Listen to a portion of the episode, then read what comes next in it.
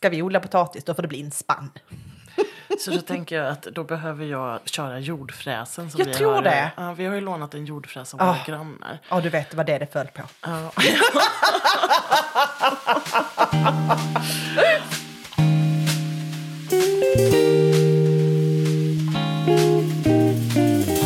Välkomna till Annorlandet.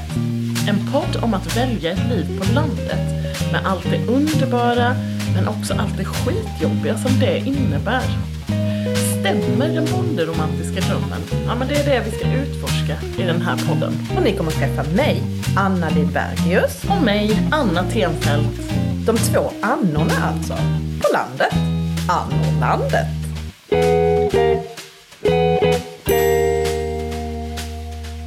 Hallå Anna! Hej Anna! Gött att vara här igen va? Ja, men nu känns det som att det var en liten stund sedan vi poddade senast ju. Mm, jag håller med. Jag håller med. Alldeles för länge. Du, eh, idag så ska vi ju prata om odling. Och ehm, drömmen om att odla och hur det gick med den och sådär. var, vi, var vi befinner oss någonstans på Ja, skalan precis. utav eh, drömmen av odling. Precis. Om odling. Av odling. Om. Om, tänker Om jag. odling, ja. Ja, drömmen om odling. Eh, men då undrar jag, eh, hur såg eller ser din dröm om odling ut egentligen? Jag har väl bilden utav att eh, det är någonting som jag tycker är roligt och lätt. Och att eh, vi bor helt fantastiskt för att kunna förkovra oss i odling tillsammans som familj och odla lite lätt och ledigt. Sånt som vi önskar och har. Det tror jag är liksom min, min vision av hur det är. Eller hur det skulle kunna vara i alla fall. Lite lätt och ledigt. Och det är det ju sällan tyvärr. Nej, Alltså, det är väl tänker- kanske det vi får prata extra mycket om idag. Ja, och jag tänker också att min dröm om odling och överhuvudtaget att bo på landet som vi gör. Eh, att det handlar mycket om det här med möjligheten till självhushåll och att Ja. kunna odla sin egen mat och ja, den här eh, bonderomantiska drömmen som vi pratar så mycket om. Eh, och eh, både du och jag odlar ju och eh, det här är ju vår vår första säsong som vi faktiskt odlar själva. Annars har vi ju bara ja, men, tagit del av det som tidigare har planterats på gården. Liksom. Eh, men i år så har vi ju smält på rätt rejält för att vara Ja. första odlingsåret. Men ni har ju bott här ganska många år, tänker jag. Eh, Ja, och där ni- tänker jag att det har ju ändrats över tid. Har drömmen ändrats då? Nej, den är ju kvar. Den är ju kvar. Fortfarande så har jag en förhoppning om att det ska vara lite lätt och ledigt och att vi ska kunna ha eh, små odlingar överallt i trädgården och göra oss lite, precis som du säger, lite självförsörjande men också mycket för att det ska vara roligt och skoj. Och, och alltså, du har ju också med dina barn mycket i odlingen. Är det, tycker de att det är skoj? Har de också en dröm om odling? Och att eh, liksom, få äta det en själv pillar i jorden med? Jag tänker så här att barn och odling är ju ett helt eget segment. Eh, jag tror vi kan återkomma till det här under dagen när vi pratar mer och mer om vad vi, vad vi tycker är roligt med odling och vad vi tycker är besvärande med odling. Men jag tänker så här att min bild av att vara en odlande person kommer nog väldigt mycket av att ha växt upp nära min farmor och farfar som hade jättestora trädgårdsland.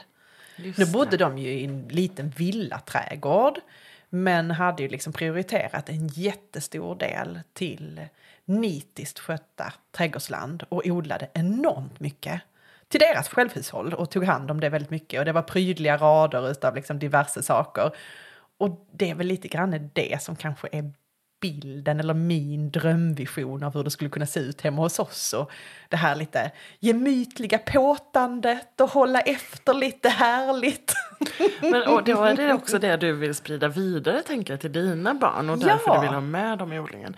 För eh, alltså, när jag tänker på vad jag har fått odlingsdrömmen Mm. ifrån då har jag inte någon sådär självklar källa till någon som har lärt mig eller Ingenstans du har fått följa med och plocka Nej. i landet. Nej, inte i landet. Alltså, vi har ju haft, jag har ju haft väldigt mycket landsbygd i min eh, närhet. Både i släkten och vänner. Ja, men kanske framför allt släkten. Mormor och morfar bodde ute på landet. Jag har Eh, min morbror och moster bor på en stor Mm. gård och nu har ju mina kusiner, flera av dem, eh, också valt att leva sina liv på landet. Så att det finns mycket i släkten.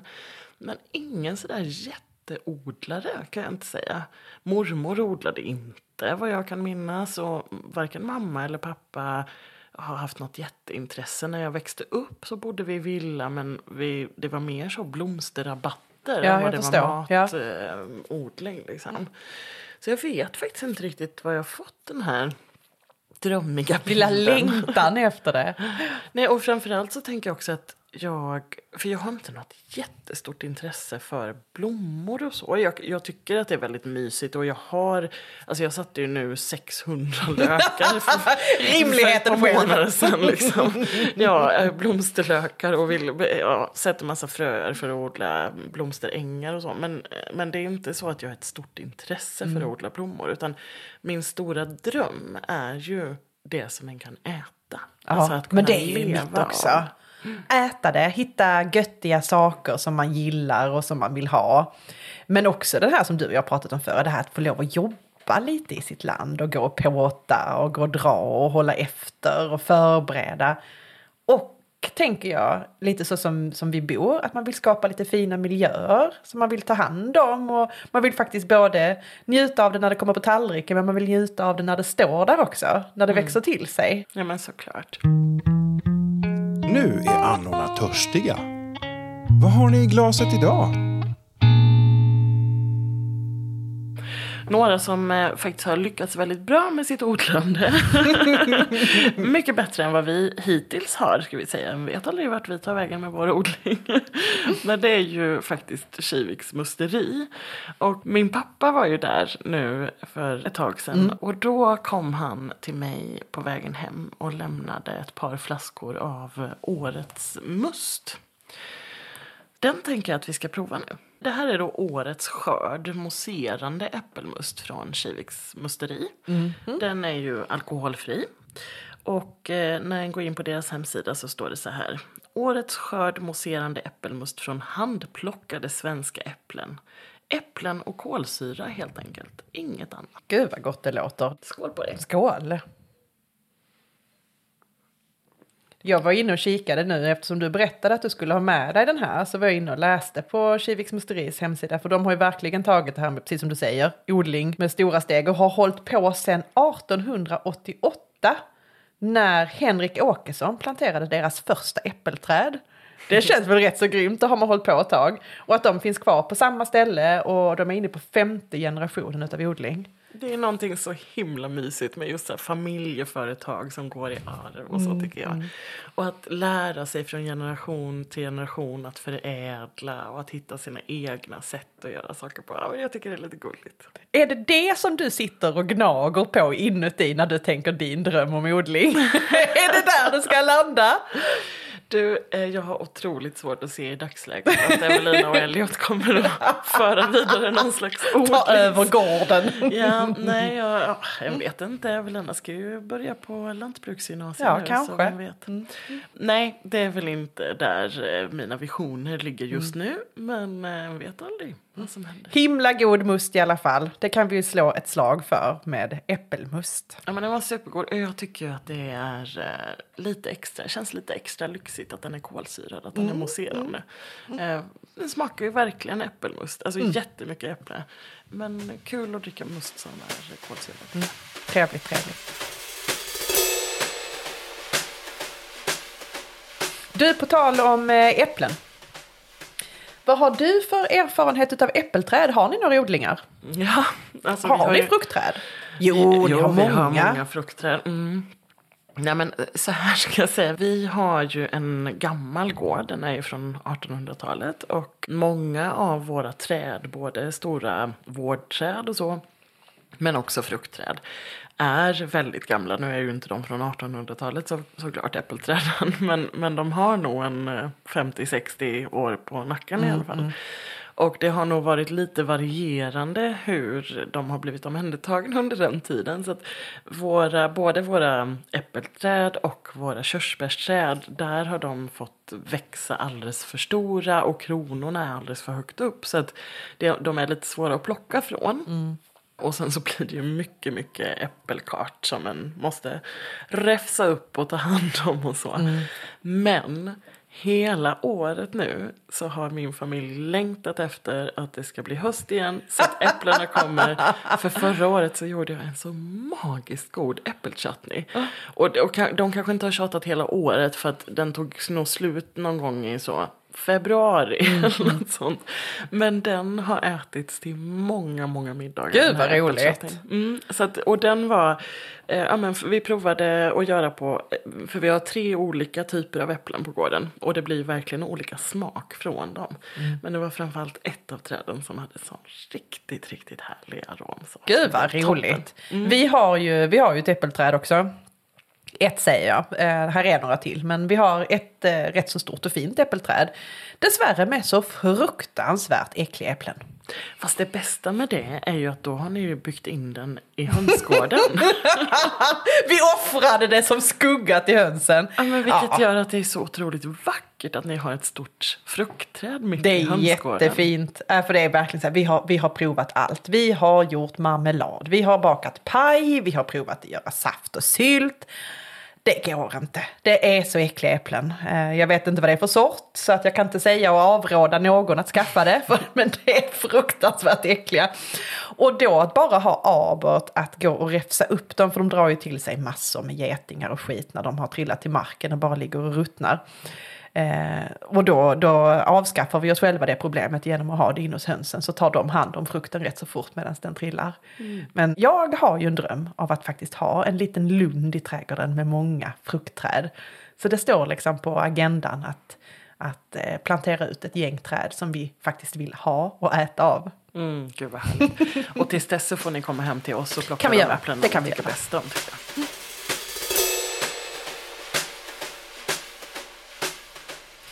Du Anna, vi har varit inne lite grann här nu, pratade vi lite erfarenheter utav äppelträd.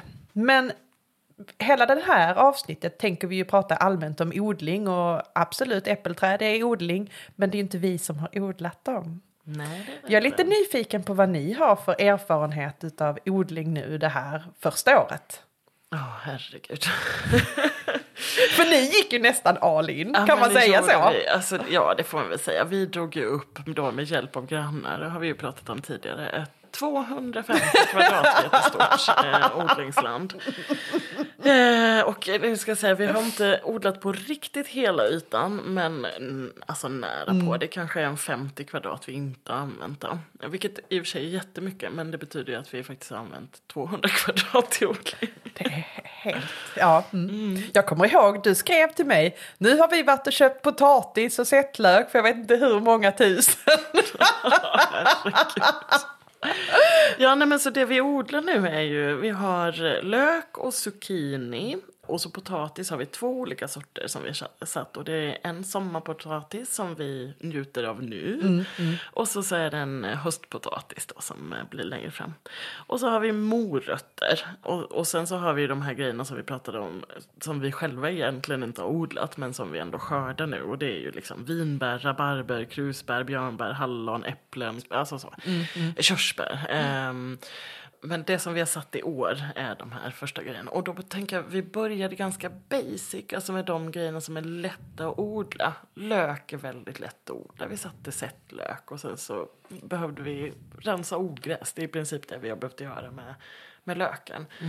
Potatisen är det ju sådana enorma mängder av. Eh, Ja. Men det vi hoppas på är ju att vi ska kunna förvara den då och äta vår egen potatis hela vintern och början av våren.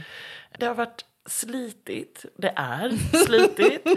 eh, idag har jag till exempel plock, ehm, klippt massa potatisblast halva dagen för att nu är den färdigvuxen och så vill vi ändå förvara den fortfarande i jorden för att det är så pass varmt inne i vårt stall fortfarande att vi inte vill ta in den än.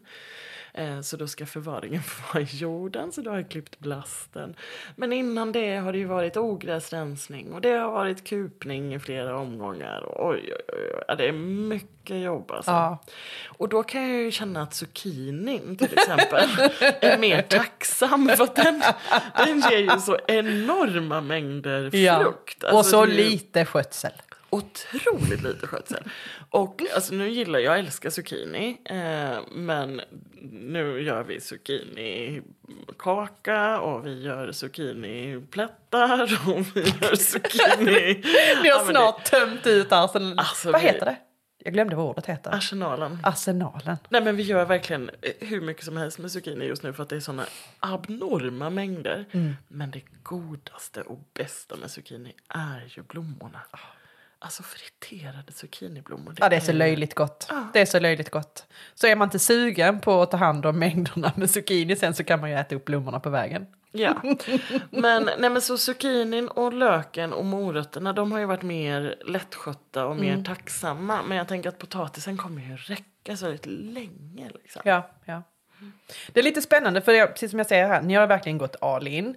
Och lite så var det kanske för oss också första året när vi var här. Att vi, då satte vi ju igång och skulle sätta igång de stora odlingarna med en gång. Och eh, rätt så snabbt fick dra öronen åt oss liksom för att vi mäktade inte med det. Då vet jag, då var Rut också, hon var precis ett år när vi flyttade hit här och allt vad vi höll på med. Eh, för vi grävde ju också ett potatisland, inte alls i den kalibern som ni har gjort nu. Inte alls, jag skojar inte, vårt var kanske 25 kvadrat. Men som vi stod och grävde upp för hand med spade.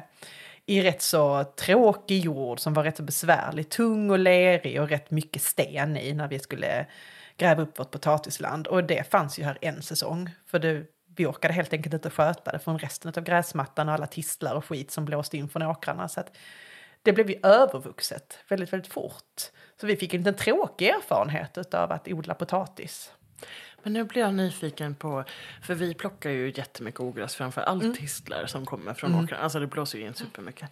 Eh, och det gör vi ju kontinuerligt. Men nu blir jag så här, när blev det övermäktigt för er? Var det på hösten som det började växa igen? Var det på våren? Ja, men vi hann ju skörda den potatisen vi hade satt. Eh, det gjorde vi. Men där under hösten och vintern, alltså där fanns ju inget land kvar till våren. Vi hade ju fått börja om från början igen. Om vi skulle liksom ha potatislandet det andra året. Det, det, det fanns liksom inte ens ett spår. Ja, det var lite annorlunda färg på gräsmattan på den, på den ytan. Men det var ju helt igensatt. Och där fick jag väl ge upp lite grann utifrån våra förutsättningar då. Och så sa vi att ska vi odla potatis då får det bli en spann. Så då tänker jag att då behöver jag köra jordfräsen. Som Jag vi tror har. det. Ja, vi har ju lånat en jordfräs av våra Ah. grannar. Ja, du vet vad det är det föll på. Ja. ja, men ja, då ska jag, för det vore ju otroligt trist att ha dragit upp då 250 kvadratmeter land och sen låta det bara växa igen. Men jag tror att det är så med flera av ens odlingsprojekt liksom, som man kanske ger upp i, mitt i eller efteråt eller inte gör om. Att faktiskt en hel del har att göra med en själv och hur man kan prioritera sin tid. Men också faktiskt vad man har för utrustning, vad man har tillgång till. För har du stått och grävt upp ett helt land för hand med spade och vet hur drygt det är men du inte vill ge upp precis innan du har odlat. Du är inte sugen på att göra om det, tänker jag. Men har man liksom fått en åker plogad upp till en och har möjlighet sen att fräsa det, ja då är det en helt annan sak. Tänker jag. Eller? Jag hoppas det. Det är klart att det är. Det är klart att det är. Dessutom har ni inte en odräglig ettåring som ska gå. Nej, utan vi tvingar istället våra Ja. tonåringar att ge sig ut och um, rensa ogräs tillsammans med oss. Mer arbetskraft. Vara, precis, det brukar vara under väldigt högljudda protester. Men om en hotar dem med någonting, då... Ja, då så. lägger Då så. Nej, men vi, oftast så funkar det bättre med morot. Så att eh, då, ehm, då får de en liten morot Mm. att kraka på. Men du och jag, vi har också sagt en annan sak om våra odlingsprojekt. Att den bästa odlingen är ju faktiskt den som blir av. Oavsett liksom hur stor odlingen är eller hur liten den är. Så även om ni kör det jättestora projektet så är det ju liksom en lycka och stolthet ni har. Och på samma sätt kan jag ju känna lycka och stolthet över de zucchinisar vi får i våra små pallkragar. För det är det vi har mäktat med. Men odlingen blev ju ändå gjord. Ja, och du har ju haft väldigt olika nivå på odlingen eh, Mm. de senaste åren. Alltså vissa år har du odlat supermycket och ni har Precis. ätit väldigt mycket från egen odling. Och andra år, ja, men som i år då till exempel, så, så vi var ju ute och kikade på dina odlingar Den sorgliga lilla, den sorgliga lilla kvarten. Fast det är ju inte sorgligt. Alltså, ni har både jordgubbar och rabarber, det var kål, det är massa örtkryddor, det är zucchini, det var till och med lite rödbetor. Två. Ni har majs. Ja, vi har majs och sparrisarna har vi skördat rätt så mycket av i år. Precis, så att, Eh. alltså, det är verkligen inte så att ni inte odlar. Alltså, det är ju mycket mer än vad de flesta människor gör. Tänker Ja, jag. men det tänker nog jag också. Men utifrån drömmen om det här stora härliga trädgårdslandet, då är det en liten sorglig kvart. Men där tror jag också eh, att vi är lite lika. Eller i alla fall, jag känner så här. För mig så är det inte själva odlandet och pillandet som är grejen. Alltså jag tycker att det är rätt drygt egentligen att behöva ta hand om hela det här gigantiska landet och ut och rensa ogräs gång på gång. Och det ska kupas och det ska fixas och det, liksom så. Det är mycket jobb liksom. Utan det magiska för mig är ju att äta produkten. Alltså, eller framför allt så, som nu är vi ju i det läget där vi går ut och hämtar Ja. saker till middagen varje dag. Ja, men, eh, jag ska ha tre lökar till den här maträtten, då går jag ut och hämtar tre lökar. Eller nu ska vi ha potatisklyftor till den här maten, ja men då tar jag och gräver upp tre plantor potatis och sen så har vi så det räcker och blir över. Men du, det är ju samma fenomen en gång till. Hör inte du det? Som med hönsen. Ja, det ja, är inte så men- jävla roligt att stå och mocka och bete sig där ute. Men just det här, oh, nu går vi ut och hämtar skatten därifrån. Mm. Det Ja, är men, samma ja, det ju det. drivkraft. Ja, Att det man det sitter verkligen. där och gräver upp sina guldklimpar ur marken och tycker att det är hur gött som helst för de är ens egna. Mm, Men jag tänker att jag så gärna skulle vilja vara en person som älskar att sitta där i, och påta i potatislandet. Att, det, att det också skulle vara en så stor njutning. Jag kan finna en stor tillfredsställelse i när vi har varit ute och rensat hela landet och har ont i kroppen och är trötta. Och liksom, då kan jag känna, Ja. gud, det här var en härlig dag ändå. Skitjobbigt men härligt. Jag, jag gillar att vara trött i kroppen. Jag har solkyssta kinder. Jag har fått spendera lite tid med min familj. Det är mycket positivt i det men jag tycker inte att det är kul. Alltså det är inte som att jag går där och njuter när jag gör det. Utan njutet kommer för mig efter tror jag. Det du beskriver här nu, det, det, det, liksom, det jackar ju i precis det här själva visionen, den här bonderomantiska drömmen som vi kanske liksom sneglar åt, där man tänker sig själv i perfekta arbetskläder som sitter åt, precis lagom temperatur, den lite glittrande solen och gå där och småprata lite och liksom känna att det inte är övermäktigt utan bara liksom njutiga. Och så är det ju absolut. Precis den stunden när alla förutsättningar är rätt. Men det är ju rätt så sällan det. Ja, verkligen. Ja, men oftast, oftast så ska det ju klämmas in bland en massa andra måsten som en också har. Och så är det liksom, åh jag har ont i axeln idag och jag måste ändå göra den här grejen. Har precis satt mig bekvämt i soffan med Netflix och så kommer man på fan jag måste ut och vattna.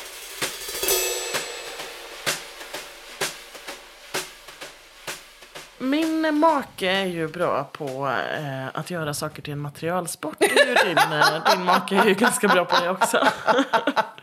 Så han har ju även gjort odling. Nu ska jag säga att vi gör ju faktiskt väldigt mycket för hand. Det här är ju verkligen inte någon eh, storskalig Men det är en utrustningssport. Ja, alltså just att ha rätt redskap underlättar ju jättemycket. Eh, och samtidigt så har han ju inte råd att åka och köpa herrans massa redskap av olika slag. Utan det gäller ju att välja ut de som är bäst. Och det vet han ju inte förrän han har testat olika, eller hur? Nej, och man vet inte det förrän efteråt att man hade behövt någonting. Nej. För att annars riskerar man att hamna i ge upp situationerna för att man lyckas inte och förstår inte varför man inte lyckas. Ja, men så det gäller väl att hitta lite den här gyllene balansen på så här, ja, men hur mycket kan vi göra själva rent fysiskt. För det är klart att det går att gräva med sina händer. Liksom. Men en potatisgrep underlättar livet mycket om du ska plocka upp potatis till din middag. Ehm, ja, men lite så. Var, var eh, drar vi gränsen för hur mycket vi ska underlätta och så. Nej, men jag förstår vad du menar. Och där, där kan jag tänka så här, vi har, vi har ju otroligt dåligt med utrustning. Men det vi brukar försöka unna oss istället, det är ju jord. Att försöka tänka så att nu odlar vi mycket pallkragar och vi behöver ta hand om jorden. Eh, så att det är mycket jord som inhandlas varje år. Och sen så påtar vi med mindre spadar. Men så blir det också när man inte gräver på samma sätt på friland. Vi, vi till exempel, vi- förodlar ju rätt så mycket med en försådd inomhus och sen så planterar vi ut i våra lådor. Istället för på friland, så som ni gör. Och det här tycker jag är så spännande för att jag orkar ju inte hålla på och förodla. Alltså för mig, det var också en sån viktig grej för mig när vi valde. Nej, jag pallar inte hålla på och sätta massa skit inne och sen ska jag omskola det. Mm, jag förstår. Det tyckte jag kändes jättemäckigt. Och det är ju nästan det enda momentet som våra barn tycker är roligt. Så därför blir det kanske också den naturliga delen här hemma, att barnen tycker det är skojigt att vara med i den delen, att vi sitter med små krukor och de planterar ner sina frön liksom precis vad de vill. För att skulle vi göra det på ett friland så hade de ju rafsat igenom det där frilandet rätt så snabbt och så hade mitt kontrollbehov skrikit inom mig för jag hade inte vetat var någonting fanns. Men du, vi kanske kan eh, så byta lite. Ni kan få färdiga produkter Ja. oss. Och så kan era barn eh, förodla till oss. Och Absolut. sen komma och omskola och sen kan jag ta över. och odla ut det. Tycker det låter jättebra. Alltså den har ju då, för vi har ju verkligen tänkt hela året på vad ska vi odla Mm. och hur ska vi odla och var ska vi odla och med vad. Alltså det har verkligen varit ett huvudbry men också en eh, härlig fantasi som vi har delat liksom under hela hösten och vintern Mm. och våren. Och sen kommer jag ju då till själva odlandet. Eh, och då tänker jag det är både så jättepeppigt inför odlandet. Men sen har jag haft så många besvikelser. Så jag har varit så besviken på mig själv till exempel för att jag inte har förodlat saker inomhus. Jag förstår. Ja. Eh, och besvikelser på att vi inte satte all potatisen i eh, tidigt nog. liksom. ja, men du, alltså att så, ja, vi borde ha gjort det tre veckor tidigare och nu blir den sen. Det har varit mycket besvikelse och krångel. Men är det liksom inte en generell grej som händer inom oss som människor? Att man hela tiden liksom peppar inför saker och sen så springer man och är besviken. På flera moment, både sin egen insats och hur man tycker att det borde ha varit. För man upptäcker, man lär ju sig under tiden. Och det innebär ju att då har man också möjlighet att bli besviken på sina egna insatser. Möjlighet att bli besviken. Det kom som en möjlighet till oss. Ja. Men då tänker jag i så fall att vi borde bli mindre besvikna nästa Det år. tror jag också. Det tror jag också. För så har ju jag lagt upp det. Tänker jag. Vår, vår odling har ju minimerats. Utifrån att jag har hittat vad är rätt nivå för vår familj att klara ut just nu. Och då blir jag inte besviken på samma sätt. Jag hade blivit jättebesviken om jag hade odlat upp ett potatisland en gång till och inte mäkta med det en gång till. Alltså det är ju bara liksom att, att, att piska sig själv. Det är inte okej, tänker jag, utifrån att vi vill faktiskt göra det här för att göra någonting gott för vår egen själ och för att det ska bli roligt. Så att besvikelsen blir väl ett sätt att lära sig. Ja, men spännande. Så min besvikelse över att jag inte gjort tillräckligt. ja, jag kanske ska försöka landa i att vi ändå varje dag äter egenodlade Ja. grejer. Ni har mer potatis än vad ni hade i fjol. Ja, vi har mer potatis än vad vi någonsin har haft liv. kommer aldrig bli så här mycket potatis igen. Men en grej som jag tänker att en inte kan undvika besvikelse för det är ju när saker går fel. Alltså när du har lagt all den här tiden på någonting Ja. och så kommer det mördarsniglar. Eller någon form av tråkig Fjärilslarv. som äter upp. eh, Ja, alltså någonting. Eller den extrema torkan som Ja. var i eh, maj och juni och som vi trodde skulle vara. Nu har det ju blivit tvärtom. Ja. Att det är ösregnat hela sommaren sen efter det. Den typen av grejer som du faktiskt inte kan kon- kontrollera riktigt utan det drabbar dig. Ja men eller hur. Vi har ju, vi har ju liksom önskeodlingarna. Jag, jag drömmer alltid om att odla kål. Alltså olika former av kål. Blomkål, broccoli, olika sorters palmkål, svartkål. Eh, det är ju liksom, det är mina favoriter. Och de har ju en tendens att bli oerhört angripna utav någon form av liten fjärilslarv. Man tror att man har gått säker och sen så kommer man ut dagen efter och så har det varit larver och ätit upp allt. Och det har ju gjort att vi drar oss för att odla det. Vi sätter inte ut dem, vi lägger inte ner tiden på att förodla de här broccoliplantorna och plantera ut för att de blir uppätna. Och där finns säkert massa sätt att skydda sig och spruta och täcka över. Men det ryms inte i min tidsbudget. Så då blir det istället att de väljer vi bort.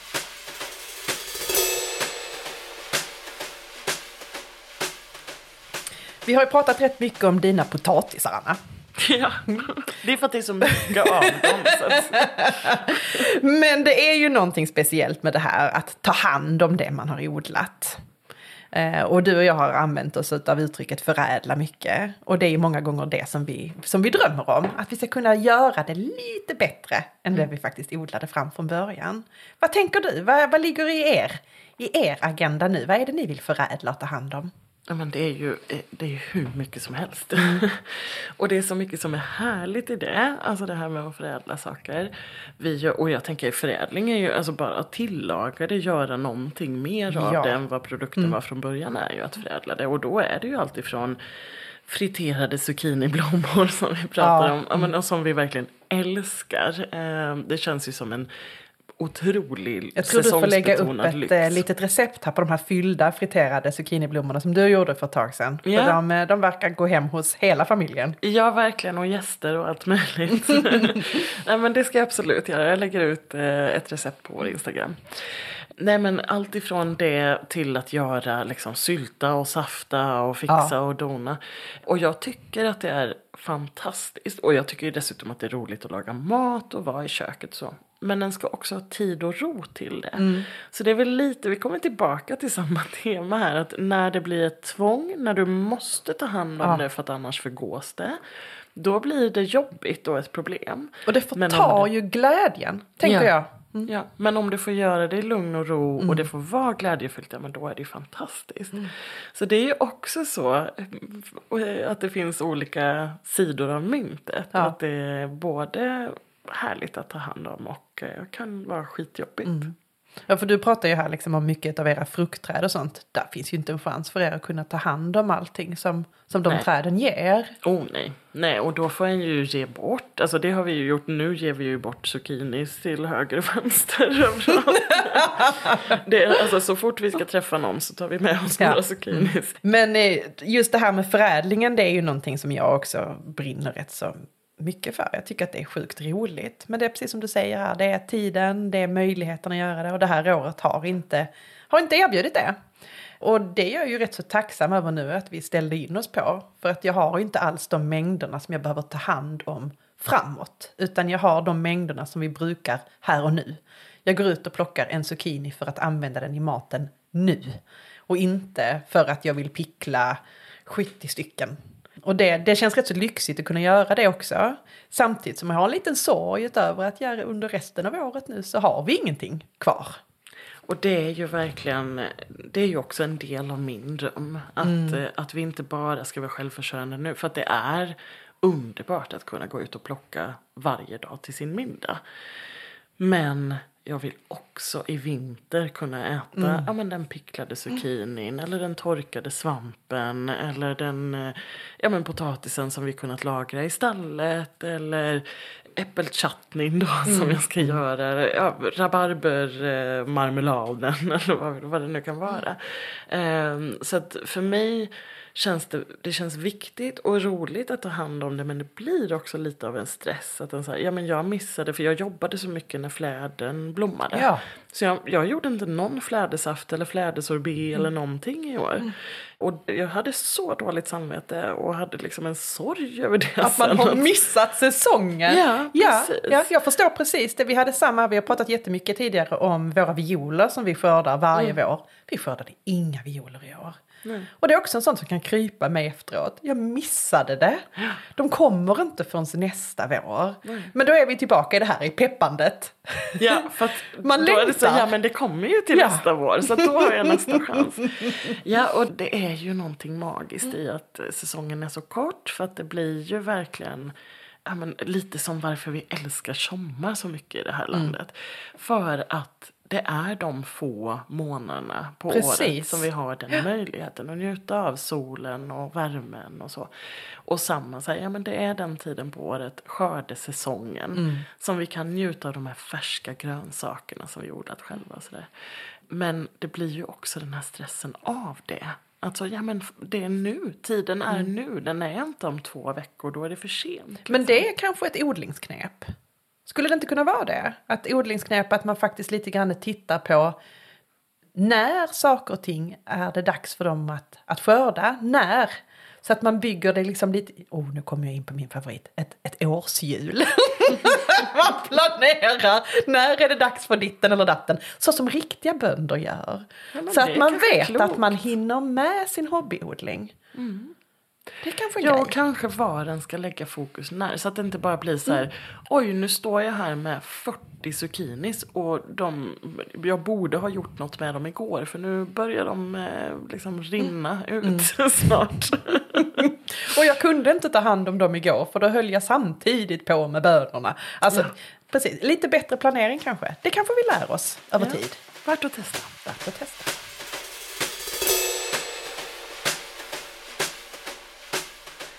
Okej Anna, du var ju inne lite kort på innan vad du har för, eh, för drömodling. Alltså vad, det är, vad du är du egentligen skulle vilja odla. Ja men precis, med alla kolväxter. Ja, och jag tänker att det är lite så utifrån vad en har för förutsättningar och så. Och vi har pratat tidigare om att vårt växthus blåste sönder förra vintern och Ja. hösten. Och där hade jag ju världens planer på, vi skulle ha persikoträd och vi skulle odla jättemycket tomater. Nu har vi två små sketna tomatplantor som knappt ger någon frukt liksom och de står ute. För, för att vi inte har något växthus. Men det finns ju så mycket grejer som en skulle Mm. vilja odla. Vilka grejer står på din önskelista? Ja men som jag sa här, kolväxter absolut. Eh, sen drömmer jag ju också om att bygga ett stort orangeri. Med teglad grund, eh, där vi kommer ha möjlighet att ha en öppen spis som vi redan har köpt på oss för över tio år sedan. Som bara står i vårt uthus och väntar på rätt byggnad. Och där inne vill jag ju odla tomater. Jättemycket olika sorters tomater med olika skördetillfällen. Eh, jag skulle också vilja ha fikon. Åh, gud så gott. Så fikon står nog väldigt högt på listan att kunna ha ett fikonträd och det behöver man ändå ha liksom, i ett växthus där det står skyddad mot en tegelgrund och klarar, klarar vintern. Andra drömgrejer. Jag, jag uppskattar ju att ha väldigt mycket örter hemma så jag skulle vilja ha en, en mer eh, perenn örtträdgård med många olika saker att gå ut och hämta direkt till matlagningen. Annars tänker jag också mycket lök. Vi använder väldigt mycket lök men jag skulle vilja ha mer som salladslök. Eh, Ja, det använder vi ju vi jättemycket. också. Och jag vet inte riktigt hur, eh, jag vet inte riktigt hur, hur lätt eller svårt det är. Så jag får väl testa och bli besviken ett par gånger innan jag har lärt mig, antar jag. Eh, Men annars så bönor och zucchini är ju våra go-to-grejer för att vi använder det så otroligt mycket i matlagning och också vill ta hand om det. Mm. Men betor, betor alltså. Nu när, man nu när vi börjar prata om det, nu vill jag ju odla allt. Rödbetor, polkabetor, Polkabetor. gulbetor. Mm, Och både lägga in själv och hålla på och skiva runt. Det, det, ja, mm, det tror jag är liksom de grejerna som står överst. Det här avsnittet ska vi gå tillbaka till själva och lyssna på i vår när vi planerar vår odling. När vi sitter För där. jag tänker flera av de grejerna som du nämnde nu och som jag också tänker att så här, men det här, för, för mig handlar det om vilka grönsaker och eh, rotfrukter och sådär använder vi mycket Ja. i vår matlagning. Och vissa av de här grejerna tror jag egentligen inte är så himla svåra. Och vi kommer definitivt att äh, återigen liksom köra på lök och zucchini morötter, det är något vi använder jättemycket alla de grejerna. Potatis tror jag definitivt att vi kör igen. Vi har ju alla de här perenna grejer, alltså fruktträden och bärbuskarna och så såklart. Men sen blomkål, broccoli, betor av olika slag. Alltså jag tycker att det vore så magiskt att ha kronärtskockor. Vi älskar kronärtskocka. Ja, jag håller det är med. så gott. Jag har ingen aning om hur lätt eller svårt det är att odla det. Nej, vi får väl testa. Jordärtskockor är ju sjukt lätt, det är bara det att man blir aldrig av. Nej, Så där får det. man ju verkligen bestämma sig vad de ska vara. Vad de ska vara. Ja, och jag tycker om jordärtskockor. Jag skulle absolut kunna odla det. Men när en odlar dem själva så blir de också ofta ganska små och så blir de så här knotiga och då är det ett sånt jäkla pill att stå och skala dem. Så frågan är om jag skulle palla liksom. Alltså vi har ju haft en sort här ute i våra odlingslådor innan som blev rätt så stora och släta. Eh, Det vi gjorde som misstag ett par gånger det var att ta upp dem lite för tidigt så de fortfarande var bittra. Ja. Och att de behövde stå längre. Eh, Och och det vill ju ha dem sådär söta och goda. precis, precis. Och de trodde vi faktiskt att vi hade blivit helt av men vi bytte jord och grejer. Jag ser nu att det har kommit stänglar från? Kokom. Ja, vi kommer aldrig bli av med dem. Aldrig någonsin. Så att, eh, det, är är, det är ett bra råd. att, Ångra eh, inte med Jonas Kokom. Ja, men då får jag hitta någon pallkrage någonstans på en väldigt begränsad yta Precis. som vi testade. Nej, men och sen, jag vill föryngra våra jordgubbar. Våra jordgubbar är inte goda längre. De ska ju föryngras vart fjärde år. Ja.